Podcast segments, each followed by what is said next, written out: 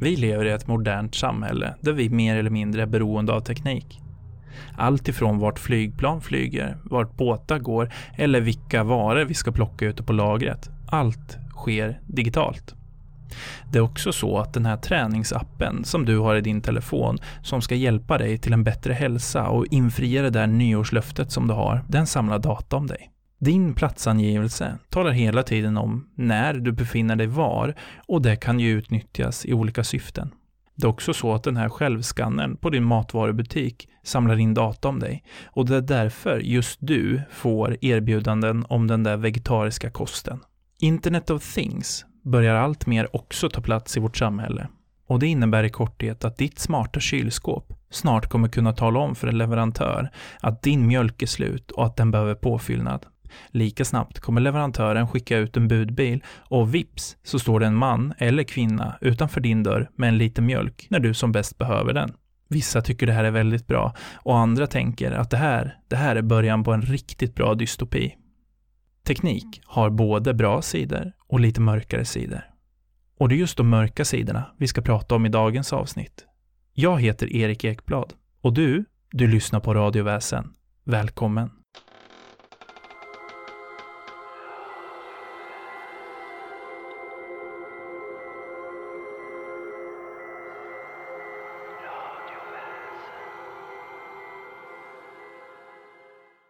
Först i podden kommer jag presentera berättelsen Isolator.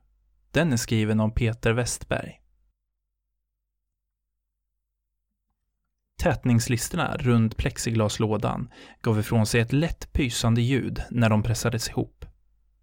Li Fengs fingrar skakade så mycket av ansträngning att han knappt kunde greppa snäppfästena för att låsa den specialbyggda isolatorn och hans svettiga handflator gjorde inget för att underlätta situationen.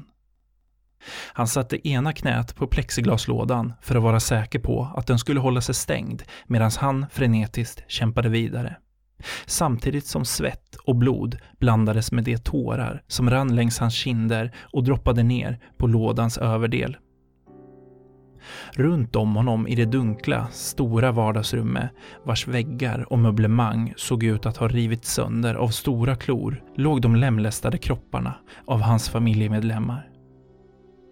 Deras gnyenden och klagorop hade avtagit allt eftersom de avlidit, en efter en, medan han fortfarande kämpat för att övervinna denna förbannelse som orsakat allt lidande.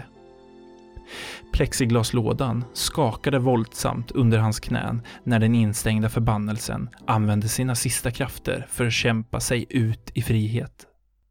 Li Feng tryckte ner knät med all kraft han kunde frammana och lyckades till slut låsa båda snäppfästena, varpå han förde in plastnyckeln för den sista säkringen. Lådans skakande avtog abrupt. De isolerade plexiglasväggarna hade lyckats förhindra förbannelsen från att regenerera sin styrka precis som han hade gissat sig till. En ödesmättnad tystnad sänkte sig över vardagsrummet Li Feng föll ihop på golvet intill plexiglaslådan och hulkade medan han maktlöst läst blicken vandra över den massaker som bragt livet av allt han höll kärt. Hur kunde jag någonsin ha önskat mig dig? Han såg ner på den blodiga elektriska köttkniv som låg instängd i plexiglaslådan och släppte ur sig de allra grövsta svordomarna han kunde frambringa. Det är med det här två mitt hantverk ska skötas, han höjde sina händer. Starka händer och vassa knivar för en riktig kock. Inga elektriska nymodigheter. Han slog ursinnigt på plexiglaslådan med sina knutna nävar och släppte ur sig ytterligare en harang av svordomar medan saliven sprutade. Jag ska bränna upp dig din jävel, sen ska jag mala sönder dig och bränna dig igen så att du aldrig någonsin kan lägga en förbannelse över någon igen. Med styrka vunnen ur raseri reste sig Li Feng och gick med bestämda steg till garaget, ur vilket han hämtade en bensindunk och en gasbrännare. Med rödsprängda ögon och galen blick såg han på medan innehållet i dunken rann ner på plexiglaslådan och golvet runt om den. När hela dunken var tömd slängde han den åt sidan och satte sig på huk intill förbannelsen medan en blågul låga sköt ut från gasbrännarens mynning. Han ångrade sig dock när han i ögonvrån fick syn på de familjemedlemmar vars lemlästade kroppar han ännu inte hade flyttat. Lågan släcktes, varpå Li Feng bar ut sina fyra avlidna familjemedlemmar och placerade dem försiktigt utanför på altan. Han satte sig på knä in till sin fru och sina tre barn medan nya tårar rann nedför hans blodiga kinder. Förlåt. Han hulkade våldsamt samtidigt som en sträng av snor rann ner och klibbade fast i hans skägg. Allt är mitt fel. Att förbannelsen kom in i vårt hus. Att ni dog innan jag kunde stoppa den. En efter en smekte han deras pannor medan han såg på dem i det dova ljuset från vägglampan. Jag älskar er. Li Feng reste sig och tog ett djupt andetag innan han återvände till vardagsrummet, vars golv var nersmetat av det blod som spillts. Han plockade upp brännaren och återgick till det han hade påbörjat. Dö, din jävel! Gasbrännarens låga var så pass nära att bensinen fräste till, på väg att antändas, när en vind plötsligt drog in i vardagsrummet med en sån styrka att gaslågan blåstes ut och fick Li Feng att slungas åt sidan och glida över golvet. Det där är mot reglerna, gamle man, och det vet du, sa en mörk röst. Li Feng kom genast på bena och trängde sig in i ett hörn när en alltför välkänd skepnad tog form framför honom. Snälla, bad han, inte mer! Förbannelsen har vandrat i din släkt i generationer, proklamerade skepnaren, en obskyr skuggfigur medan den svävade framför honom och hötte med ett finger i luften. Fängsläkten har alltid varit för stolta och för snälla för att göra sig av med den. Alltid handskas varsamt med förbannelsen istället för att sälja den vidare till nästa olyckliga själ. Skepnaden tystnade för en sekund, som för att välja sina ord eller att bygga upp stämningen. Er godhet är i sig också en förbannelse. Så osjälviska, så uppoffrande. Li Feng föll ihop på knä igen. Dränerad på kraft såg han upp på sin plågoandes beskyddare. Finns det verkligen inget annat sätt? Fick han ur sig medan nya tårar rann nerför kinderna. Nej, svarade skepnaden med en sån kraft att Li Feng hoppade till. Du kan inte förstöra den, inte utan att jag stoppar dig, fortsatte den. Om du begår självmord, vilket med tanke på rådande scenario skulle vara det mest troliga, så går förbannelsen direkt vidare till den syster du håller så kär. Inte Wei fick han fram mellan hulkningarna. Inte Wei Inte Wei imiterade skepnaden kyligt. Så Li Feng, säg mig. Vad ska du göra för att bli av med förbannelsen? Sälja den vidare. Sälja den vidare. Svarade den besegrade mannen, vars skatter i livet just hade berövats honom. Don't play with me, 'cause you're playing with fire. Robert lät blicken vandra mellan de gigantiska byggnaderna som tonade upp sig i Guayuan medan Rolling Stones spelades på högsta volym i hans trådlösa hörlurar. Han skrattade till vid minnet av hur Hotel Portien i Peking rekommenderat ett besök i Guayuan när han efterfrågat en kinesisk småstad. En stad med tre miljoner invånare stämplades i Kina på samma sätt som Sveriges Ystad och alla dess dryga 30 000 skåningar. Robert kände sig nöjd över att han hade kunnat komplettera affärsresan med tre dagars eget utforskande av landet innan han behövde återvända hem för att avlägga rapport till sina chefer. De senaste dygnen hade kantrats av dryga, svårtolkade möten och sena nätter där han hade fått representera Swecon ifrån deras mest generösa sida. Allt för att blidka den del av den kinesiska marknaden som de sedan länge hade kammat in och nu arbetade frenetiskt för att hålla kvar i. Robert var nöjd med sin presentation, mycket nöjd. Mindre nöjd kände han sig över kaloriintaget, vilket redan innan resan legat betydligt högre än det han önskat. Fenomenet kallat träning, som tidigare varit ett så gott som dagligt inslag, hade legat på hyllan under de två år som gått sedan han fick topprollen på Swecom. Drömjobbet och drömlönen hade helt fått drömkroppen att kliva åt sidan. Något som Robert känt av i form av stramande kläder och glipor mellan skjortknapparna snabbare än han velat erkänna för sig själv. Av någon anledning hade hans Facebookflöde fyllts av reklam för olika hälsodrycker, genvägar till viktminskning och muskelstimulatorer som skulle få ett sexpack att framträda på hans mage. Det mesta hade han förpassat som skitsnack och dieter han ändå aldrig skulle hålla. Men de där muskelstimulatorerna hade både passerat flödet och stannat på hans hornhinna. Kanske var det en början? Skulle de elektroniska impulserna, fördelade över hans buk en halvtimme per kväll medan han jobbade hemifrån eller glodde på film, kunna utgöra en tjuvstart på ett troligen mycket avlägset fitnessprogram? Viljan att försöka, kombinerat med den nyfunna latheten i Roberts, till följd av hans hektiska leverne, mer eller mindre icke-existerande privatliv, fick honom att tänka tanken någon gång i veckan, även om det än så länge inte lett till några eftersökningar på nätet. Now you got some diamonds and you will have some others. Robert tog ut lurarna och avbröt musiken. Han hade promenerat raskt genom staden i strax över en timme, precis som planerat. Hela tiden guidad av karta och GPS och nu tornade en lång marknadsgata upp sig. Marknadsstånden fortsatte så långt han kunde se och de fick snabbt de marknader som Robert hade upplevt i Sverige att blekna bort i skuggan av det spektakel som nu utspelade sig framför hans ögon. Ljudnivån överskred med råge gränserna till vad som kunde anses skadligt för den mänskliga trumhinnan och gatan var så fullsmockad av besökare och försäljare att Robert knappt kunde ta sig fram. Han hade specifikt efterfrågat en småstad som inte var turisttät. Och Robert log nöjt när han inspekterade klientellet och fann att det med blotta ögat inte gick att se någon turist utöver honom själv.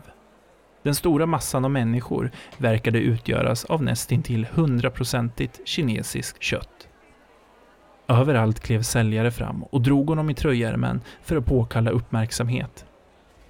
Kryddor, mjukisdjur, grönsaker, kläder, filmer, sexleksaker och hemelektronik. Precis allt verkade gå att hitta på marknaden. Ett plötsligt infall fick Robert att oförstående styra sina steg åt höger i riktning mot en skäggig kinesisk herre som satt på en stol intill ett marknadsstånd. Till skillnad från övriga försäljare gjorde mannen inte en ansats att tränga sig på någon av besökarna för att sälja på dem sina varor, utan satt stilla på sin pinnstol och såg nästintill bortkommen ut som om han själv kände att han inte hörde hemma i kommersen.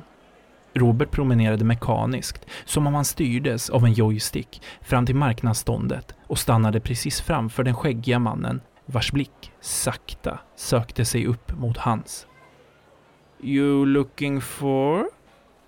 Mannen böjde sig ner, sträckte ut ena armen bakom den fastlåsta rullvagnen och drog fram något som låg dolt bakom en filt. Looking for this?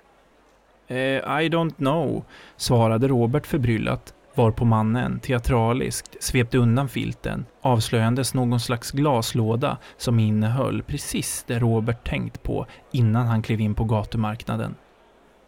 En muskelstimulator, till synes svävande i glaslådan. Den första detalj Robert la märke till, utöver stimulatorns perfekta skick, var laddningssladden, vars stickpropp utan tvekan var av svensk typ. “Sorry, is this a Swedish product?” frågade Robert och kände sig genast dum när han pekade på produkten i lådan, som om försäljaren hade presenterat ett dussintal andra. Den skäggiga mannen blickade först, något förvirrat, mot lådan och såg sedan åter på Robert. It is. Mannen vevade med händerna i luften som om för att frammana något osynligt. It is exactly what you want it to be. How much? frågade Robert, som plötsligt kände sig överdrivet, nästan barnsligt exalterad över chansen att få äga en alldeles egen muskelstimulator. 300 yen, sa försäljaren kort, utan att röja en min. Okej, okay, sa Robert och plockade upp sin plånbok. I'll take it. Någonting förändrades i försäljarens ögon när Robert uttalade de bekräftande orden. Han såg på sin köpare med en blandning av vördnad och tillfredsställelse samtidigt som något sorgset skymtades i hans ögon.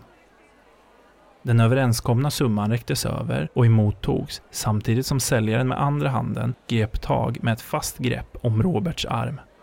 Robert, sa mannen medan han synade sin köpare med skärpt blick. You have three rules to follow, fortsatte han innan Robert ens hunnit reflektera över hur det kom sig att den kinesiska mannen visste hans namn. 1. Do not expose the product to bright light or direct sunlight. 2. Do not get the product wet. 3. Do not feed after midnight. Okej, okay, svarade Robert avvaktande, osäker på hur han skulle reagera på de uttalade skötselinstruktionerna. Those were some very specific instructions. I think I can handle a piece of electric equipment. Robert drog glasväskan till sig samtidigt som försäljarens blick verkade förändras efter att reglerna uttalats. Mannen såg ut att ha översköljts av en plötslig känsla av lugn och avslappning samtidigt som sorg åter speglades i hans blick. Beware Robert, viskade mannen nästan ohörbart samtidigt som han började plocka ner övriga uppradade artiklar i en kartong. Mind the rules, never neglect them. Han mötte Roberts blick medan duken som prytt försäljningsbordet hastigt veks ihop. They may keep you alive. Klockan var strax innan fem på eftermiddagen när Robert vaknade upp i sin egen säng, lagom jetlaggad efter hemresan ifrån Kina. Resväskan låg kvar i hallen intill de skor och ytterkläder han fått av sig innan sängen kallat på honom. Med en kopp nybryggt kaffe i ena handen gäspade Robert stort samtidigt som han tog tag i resväskan och drog in den i vardagsrummet. Det första som visade sig när den överfulla resväskans dragkedja öppnades var plexiglaslådan och dess innehåll. När Roberts blick fästes på den fylldes han av en nästintill barnslig iver över att få prova på den nyinförskaffade muskelstimulatorn. Som om han för sitt sinnes inre redan kunde se de framgångsrika resultaten av de elektroniska impulserna. Jag ska få en TV-shopskropp nynnade Robert tyst medan han låste upp med plastnyckeln, lossade på snäppfästena och öppnade upp lådan. Muskelsimulatorn såg ut att vara fabriksny, komplett med plastdekalen i laddningshöljet som måste dras bort innan första användning. Den kinesiska mannens förvirrande skötselinstruktioner ekade i Roberts huvud när han blottade sin övergödda buk och fäste muskelstimulatorns limförsedda silikondyner mot den. Han tryckte på on-knappen, följt av pil upp, för att få igång de elektroniska impulserna och kände genast hur en blandning av muskelspänningar och kliande sensation spred sig över magtrakten.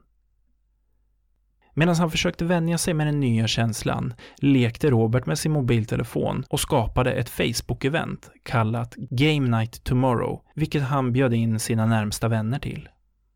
Han ökade impulsernas styrka något i en förhoppning om ett större resultat medan han sjönk ner i soffan och satte igång sitt tv-spel i väntan på vännernas reaktion på det nyskapade eventet. Det var sent in på småtimmarna när spelsessionen var över och Robert tog av sig stimulatorn och placerade den intill badrumsfönstret medan han genomförde sina toalettbehov. Han återgick till soffan där han somnade, överraskande uttröttad. Vid tio-tiden, när solljuset sköt in genom fönstret, vaknade Robert åter till liv. Satan! Den vanlige morgontidige Robert reste sig ur soffan och knäckte nacken innan han gick in i badrummet. Medan han tog sin morgonpiss stående såg Robert i ögonvrån hur något blänkte i badrumsfönstret. Det var muskelstimulatorn som stod i all sin prakt och lapade UV genom fönstret. Den första regeln var bruten. Så må kinesfan förbanna mig, mumlade Robert och skakade bort de sista urindropparna varpå han åter fäste stimulatorns silikonfästen på magen och ökade impulsernas styrka så pass att han intalade sig själv att det dolda sexpackets magmuskler verkligen fick arbeta hårt. En plötslig elstöt sköt igenom hans kropp och fick Robert att falla ihop på knä i vardagsrummet. Vad i helvete? Han tittade ner på muskelstimulatorn och såg hur små blixtar sköt ut ifrån dess mittparti medan impulserna snabbt ökade trots att Robert inte tryckt på knappen. Samtidigt som ett lågfrekvent, irriterande hummande trängde sig in i hans trumhinnor. Magmusklerna spändes åt så hårt att han inte kunde ta sig upp ifrån sin knästående position. Smärtan fick Robert att gny och just när det kändes som om spänningarna skulle få hans magmuskler att explodera stängdes stimulatorn plötsligt av och det hummande ljudet ersattes av tystnad. Robert ställde sig upp, slet muskelstimulatorn av magen med ett snabbt ryck och kastade ner den i plexiglaslådan. Kunde det rent av ligga något i de märkliga instruktionerna? Hade stimulatorn tagit skada av att utsättas för UV-ljuset? Robert hade aldrig hört talas om elektronik som inte tålde ljus, men å andra sidan hade han ju inte doktorerat i ämnet. Han satte sig vid datorn och gick igenom den positiva responsen kring hans tilltänkta spelkväll och konstaterade nöjt att alla fyra vänner tackat ja. Låt spelen börja, sa Robert högtidligt och började skriva på en inköpslista pizza, öl, vin, vodka, diverse groggmixar, chips, lösgodis. Han stannade till med pennan intill det sistnämnda och såg missnöjt på sin pösiga mage, men slog bort de negativa tankarna. Vad skulle en kväll i dekadensens tecken göra för skada i det långa loppet? Han hade ju muskelstimulatorn att tillgå Åtminstone om den återgick till brukligt skick efter lite uppladdning och vila långt bort ifrån starkt ljus. Robert skrev klart sin inköpslista, inmundigade en snabb frukost och klädde sedan på sig för att effektivt checka av listans innehåll. När han böjde sig ner och klämde in vänster fot i Adida-kopian med hjälp av skohornet tyckte han sig se hur något rörde sig inne i vardagsrummet, följt av ett dovt skrammel hade stimulatorn just rört på sig. Robert tyckte att det såg ut som att plexilådan som låg på vardagsrumsgolvet flyttat sig ett par decimeter sedan han stängde igen locket. Han skakade på huvudet och slog bort tanken lika kvickt som den äntrat hjärnan.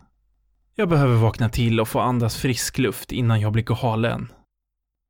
Och med de orden lämnade han lägenheten för att förbereda kvällens bjudning.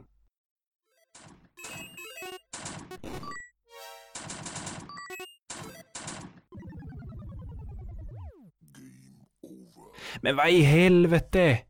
Gustav kastade handkontrollen i soffan, ställde sig upp och klampade demonstrativt in i köket för att hämta ännu en öl efter att ha förlorat sin tionde match på raken. Lugn Gurra, skrek Niklas som hade munnen full av chips. Bara för att du är en kass spelare behöver du inte vara en kass förlorare. Ett ilsket vrål till svar hördes inifrån köket och som fick övriga salongsberusade vänner att i unisot utbrista i ett högljutt skratt. Klockan var strax efter midnatt och killarna hade spelat och druckit ända sedan de avslutat sina pizzor strax innan sju på kvällen. Rickard, som just besökt balkongen för ännu en cigarett, råkade sparka till plexilådan som Robert flyttat tidigare under eftermiddagen när han klev in i vardagsrummet. Vad fan är det här? Frågade Rickard och plockade upp lådan. En muskelstimulator, svarade Robert utan att slita blicken ifrån den pågående matchen som nu stod mellan honom och Niklas. Muskelstim... Rickard började skratta innan han ens hunnit uttala orden. Robert, för helvete. Vanliga människor köper souvenirer eller sprit när de är utomlands och du köper en stimulator. Rickard släppte ut sig ytterligare en skrattsalva medan han öppnade lådan och plockade ur stimulatorn. Så eh, hur funkar den? frågade han och skakade elektroniken demonstrativt framför Roberts koncentrerade ögon. Snurrar man den runt penis och låter den stimulera fram en härlig orgasm eller? Gå in på toaletten och pröva, svarade Robert, märkbart irriterad. Gör vad fan du vill, bara du flyttar dig, du står i vägen för mig och min vinst. Man har ju hört talas om sådana här tv-shopsgrejer, men jag har aldrig sett den på riktigt. Rickard snurrade och vände på stimulatorn, märkbart fascinerad. Funkar den? Får man verkligen magmuskler? Ah, kanske. Prova, svarade Robert frånvarande. Den var konstig i morse, men igår funkade den klockrent. Den kanske behöver laddas lite innan du prövar. Rickard kopplade in laddningssladden i stimulatorns mini-USB-ingång och det närmsta vägguttaget innan han satte sig åter bredvid kompisarna och greppade tag om sin handkontroll, redo för en ny match i Call of Duty. En stund senare anslöt sig Gustav efter att ha svalkat av sin frustration med en kall öl. Med kompisgänget åter samlat i soffan startades en ny omgång av deathmatch på delad skärm som, utan deras vetskap, skulle komma att bli den allra sista. Alla fyra satt i allt annat än ergonomiskt tilltalande poser, helt inne i den virtuella kampen på liv och död. När muskelstimulatorn spratt till för första gången doldes ljudet av knallen som ekade ur högtalarsystemet ifrån den handgranat som Robert just lobbat över Gustav och på så sätt säkrat den sistnämndes elfte förlust. Andra gången den spratt till denna gång med sån kraft att den slits ur den pågående laddningen och fick vägguttagets plasthölje att spricka. Så hamnade ljudet i kölvattnet av Gustavs alkoholpådrivna raseriutbrott, vilket avslutades med att hans handkontroll gick i små bitar efter att ha kolliderat med vardagsrumsväggen. Gustav, för helvete! utbrast Robert och suckade missnöjt när han såg den lilla skadan i väggen som var resultatet av vännens utbrott. Var det verkligen värt de 2000 du kommer att få punga ut för att laga väggen och köpa en ny handkontroll? Gustav grymtade irriterat, reste sig ur soffan med en halvfull ölflaska i ena handen och började klampa iväg, lika demonstrativt som tidigare. Efter några steg stannade Gustav tvärt och stirrade oförstående på det förstörda vägguttaget och muskelstimulatorn som inte längre låg på golvet. Vad fan? Han vände sig ett kvarts varv mot vännerna i soffan. Robert, din muskelstimulator? Ja, vad är det med den? Robert såg frågande på sin vän, men tystnade när blicken föll på den importerade stimulatorn som svävade i höjd med Gustavs mellangärde. Dess långsamma, svajande rörelse fick den närmast att likna en rocka som stannat uppsvävandes framför ett tilltänkt byte. Robert, Hjälp mig! flämtade Gustav med växande panik i rösten. Vad håller den på med? Va, varför svävar den sådär? Innan Robert hann inflika med svar så började stimulatorn ge ifrån sig samma lågfrekventa hummande som den gjort efter när han hade använt den efter att den utsatts för solljus.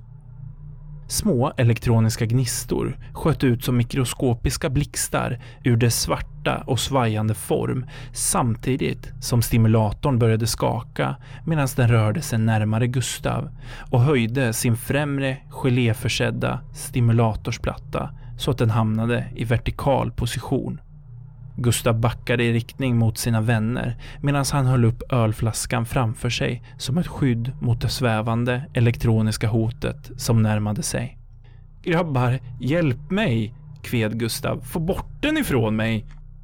Han backade in i den massiva glasskivan som utgjorde vardagsrumsbordet och innan någon hann reagera sköt långa blå gnistor ut ur stimulatorns geléplattor och in i Gustavs buk. Lamporna slocknade och vardagsrummet fylldes plötsligt av ett blått flimrande ljus. Ett knastrande ljud fyllde rummet när gnistorna som sköt in i den för stunden förstelnade Gustavs buk som verkade agera ankare och drog stimulatorn närmare i rasande fart. Robert sträckte sig efter sin vän men stannade till när denna plötsligt började skaka våldsamt. Ölen som Gustav höll föll ur hans hand och dränkte ner stimulatorn ögonblicket innan den nådde fram, brände igenom tyget på collegetröjan och fäste sig emot hans buk samtidigt som det blåa gnistrandet ersattes av en orb av elstötar som verkade kapsla in Gustav och hans elektriska angripare.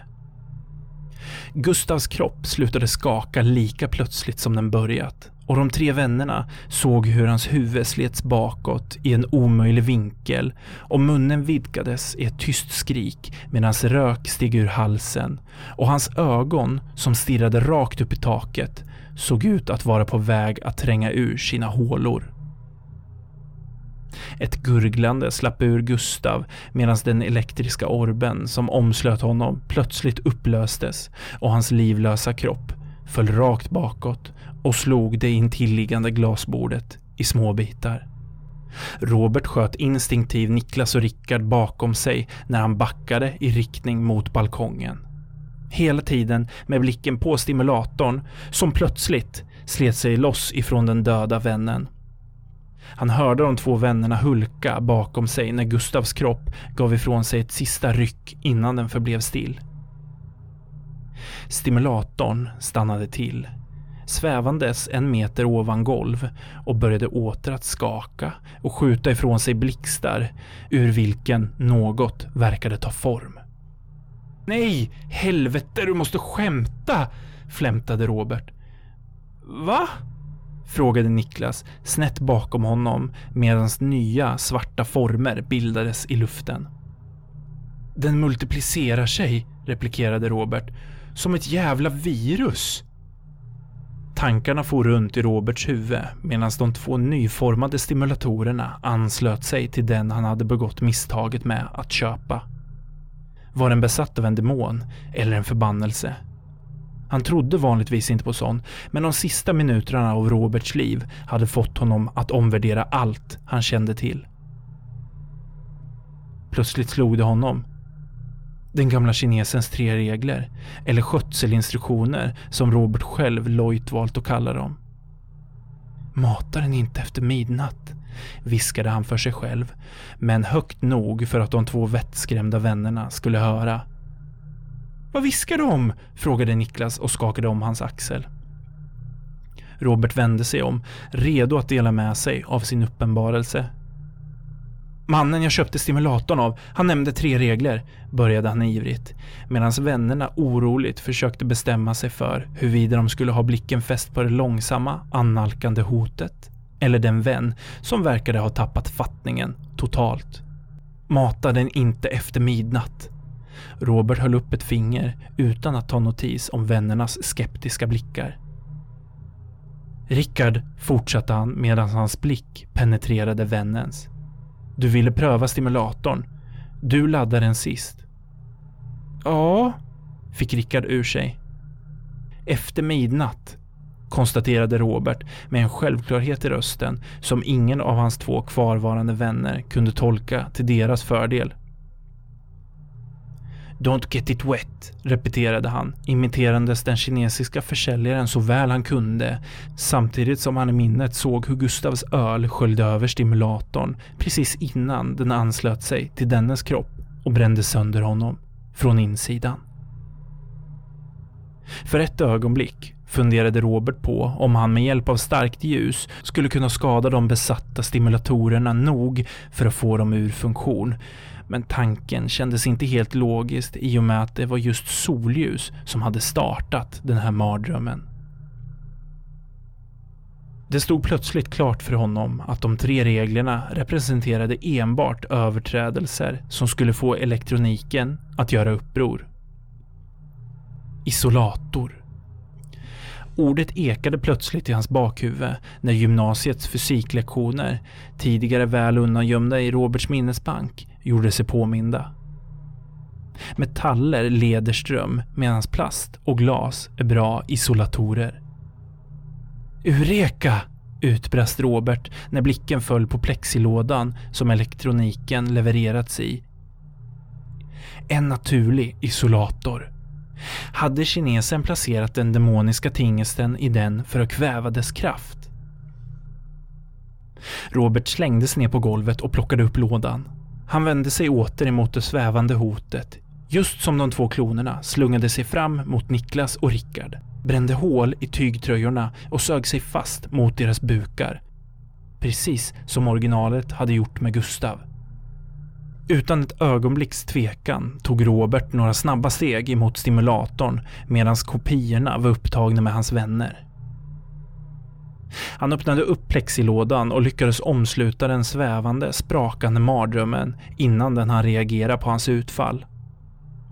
Robert slängdes ner på golvet, satte båda knäna på locket för att hålla den stängd medan stimulatorn kämpade så våldsamt att plexilådan skakade och gled runt under hans kroppstyngd.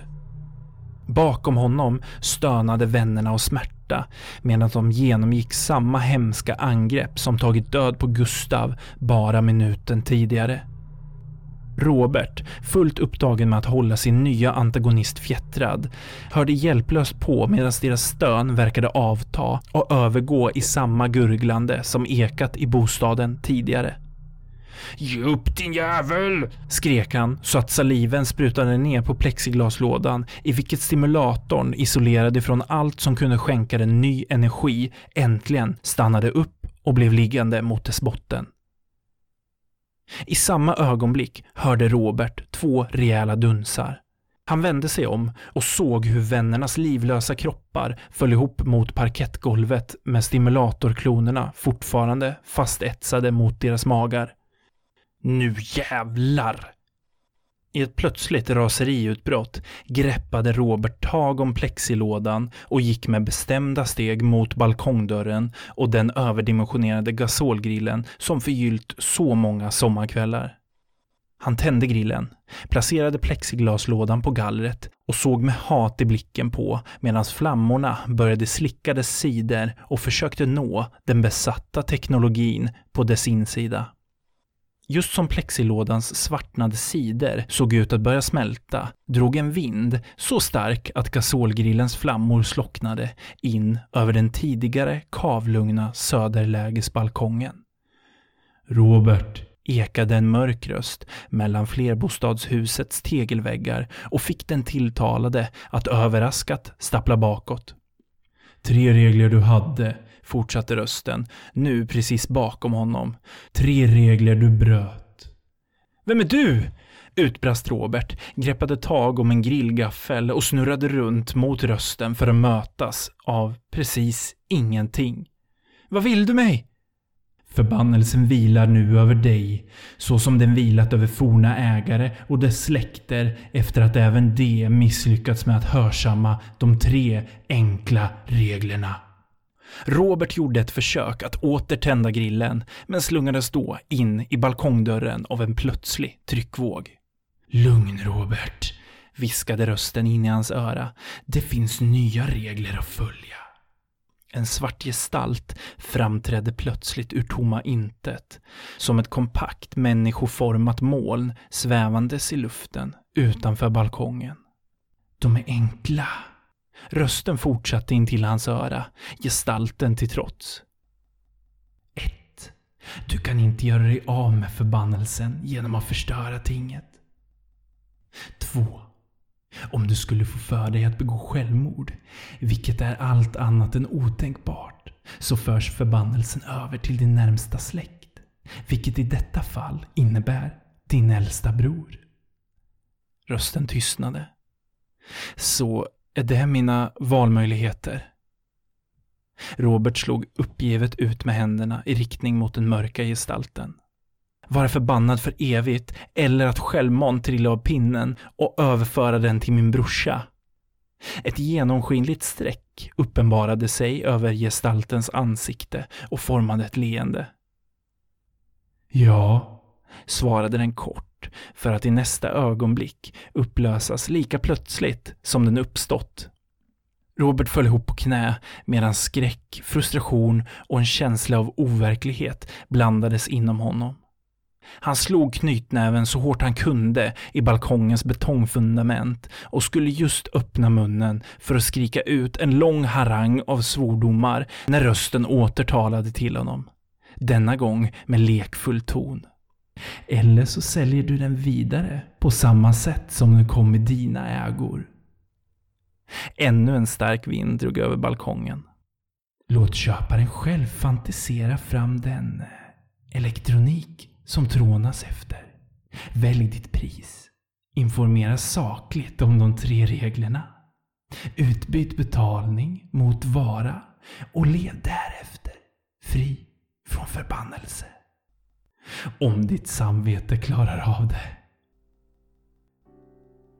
Rösten tynade bort medan de sista orden uttalades. lämnandes Robert ensam på balkongen med den brända plexilådan och dess förbannade innehåll.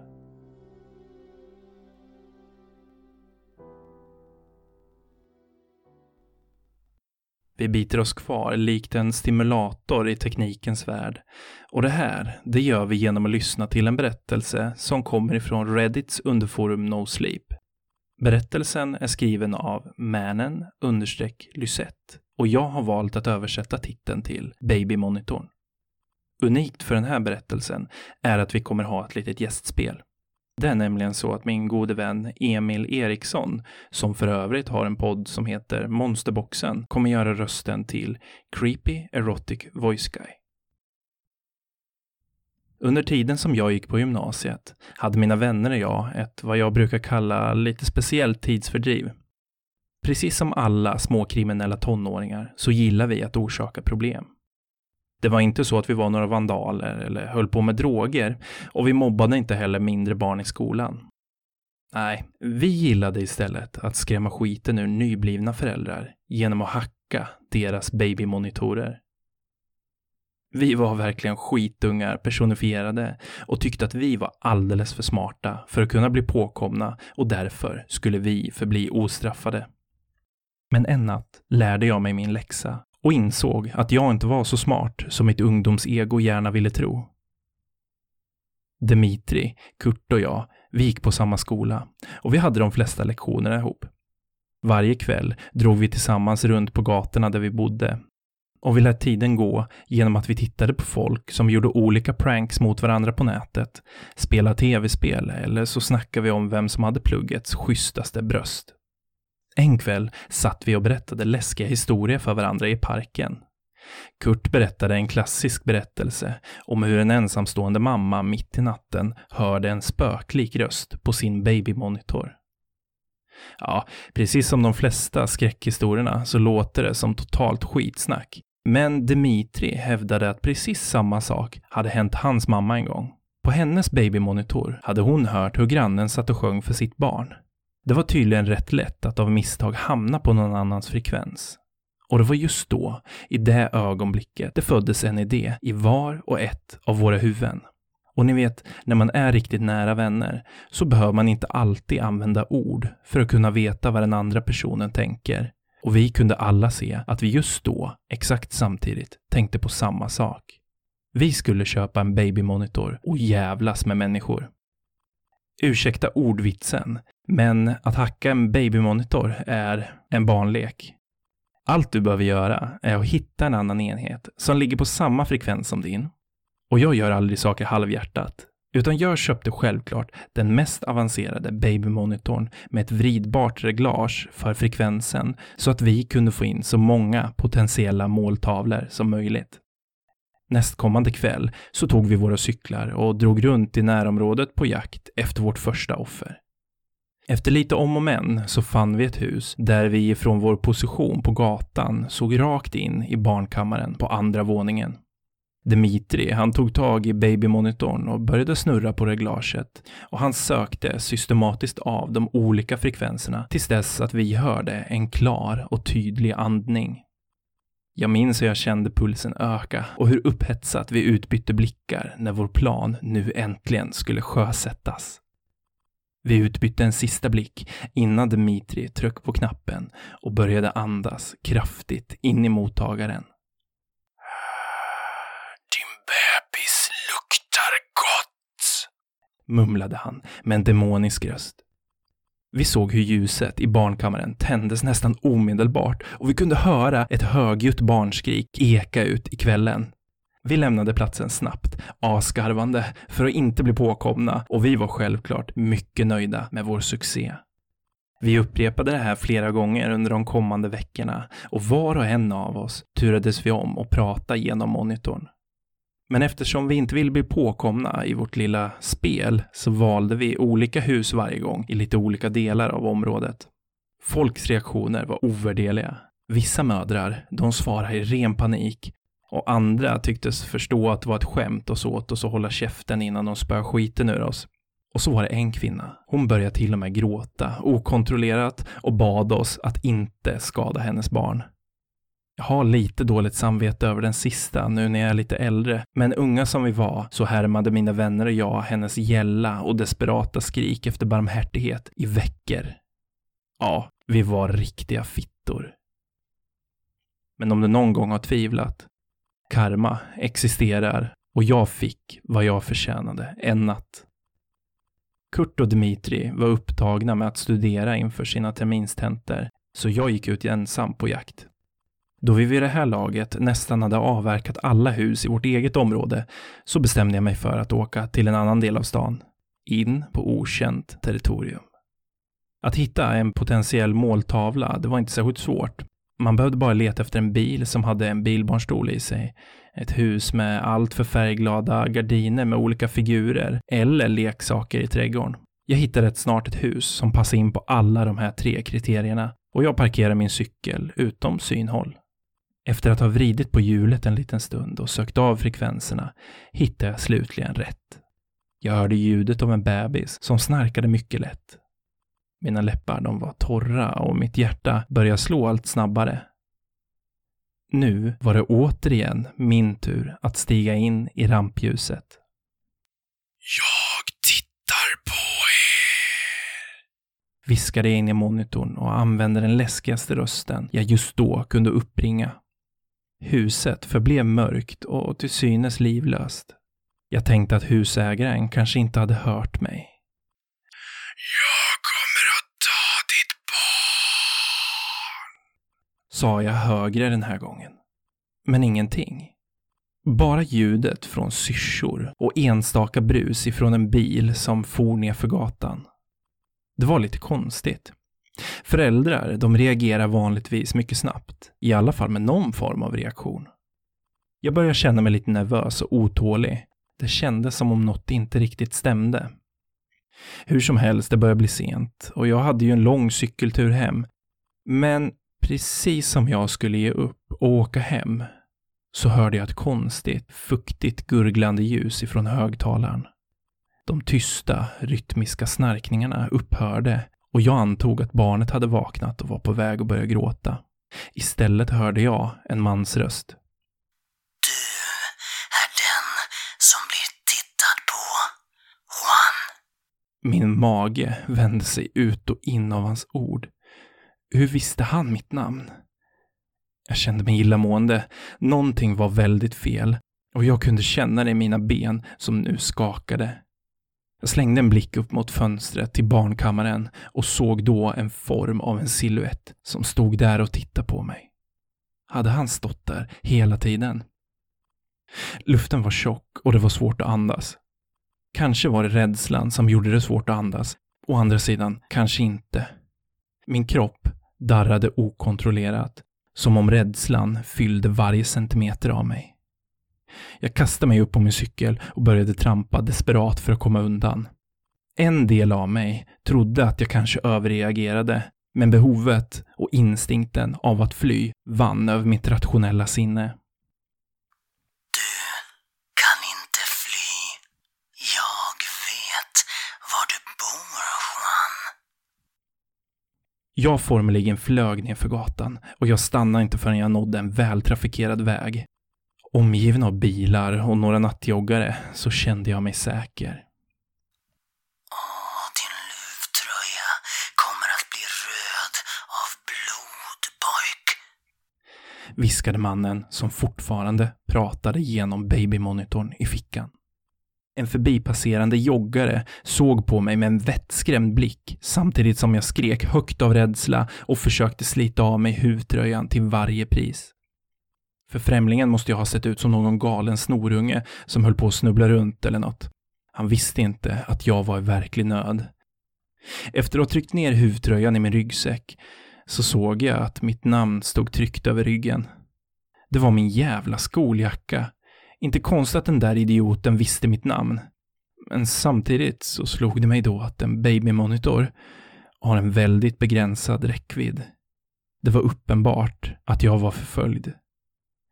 Jag började nervöst se mig omkring för att försöka identifiera min stalker. Var det han med den tomma blicken längre ner på gatan? Den där killen som går med sin hund? Eller bilen som just stannat intill vägkanten? Oavsett så var det sista jag ville höra den där rösten igen.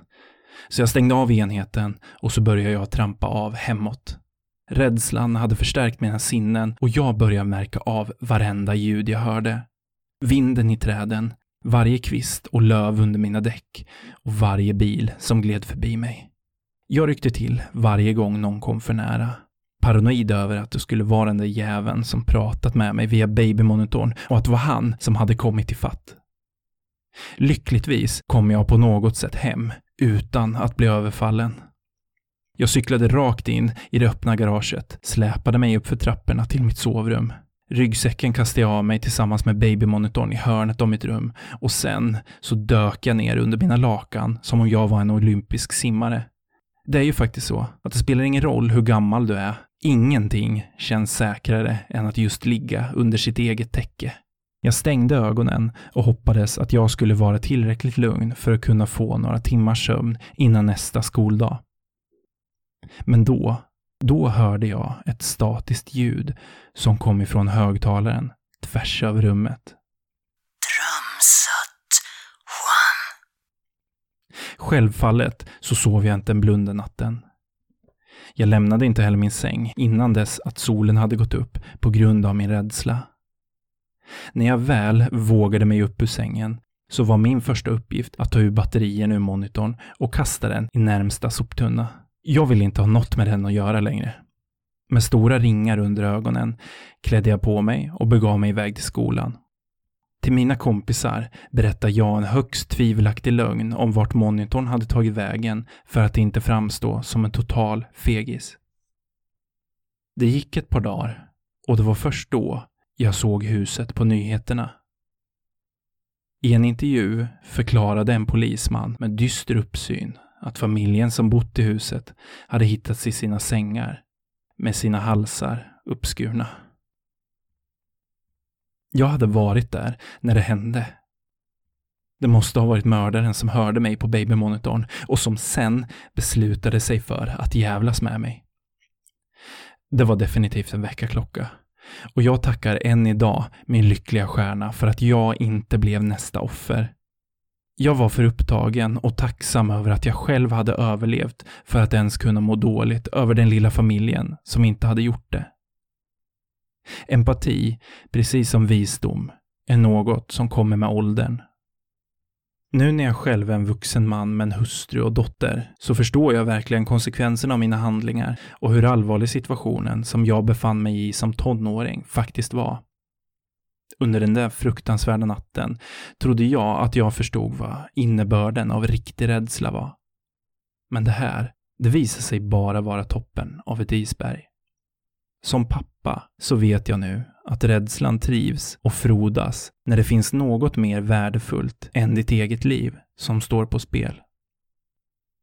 Jag kan inte helt säkert säga att mördaren har hittat mig igen efter alla år, eller om det är en ny uppsättning av idioter som har samma briljanta idé som mina vänner och jag en gång hade.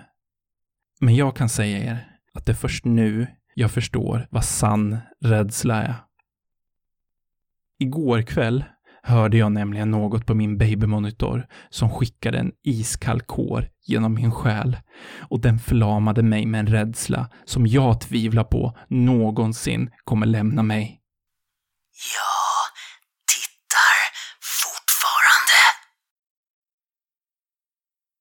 Och med de orden ifrån Emil Eriksson på podcasten Monsterboxen så tackar jag för ert visat intresse. Om ni gillade berättelsen Isolator av Peter Westberg så har han också skrivit boken Europa Pandemus. Novellen Isolator är också hämtad ifrån en novellsamling som heter Farliga kretsar som är utgiven hos Marva förlag. Spana in den om ni gillar teknik som går käpprätt åt helvete. Mitt namn är Erik Ekblad och ni har lyssnat på det tredje avsnittet av Radioväsen. Och vi ses igen om 14 dagar. Vi hörs.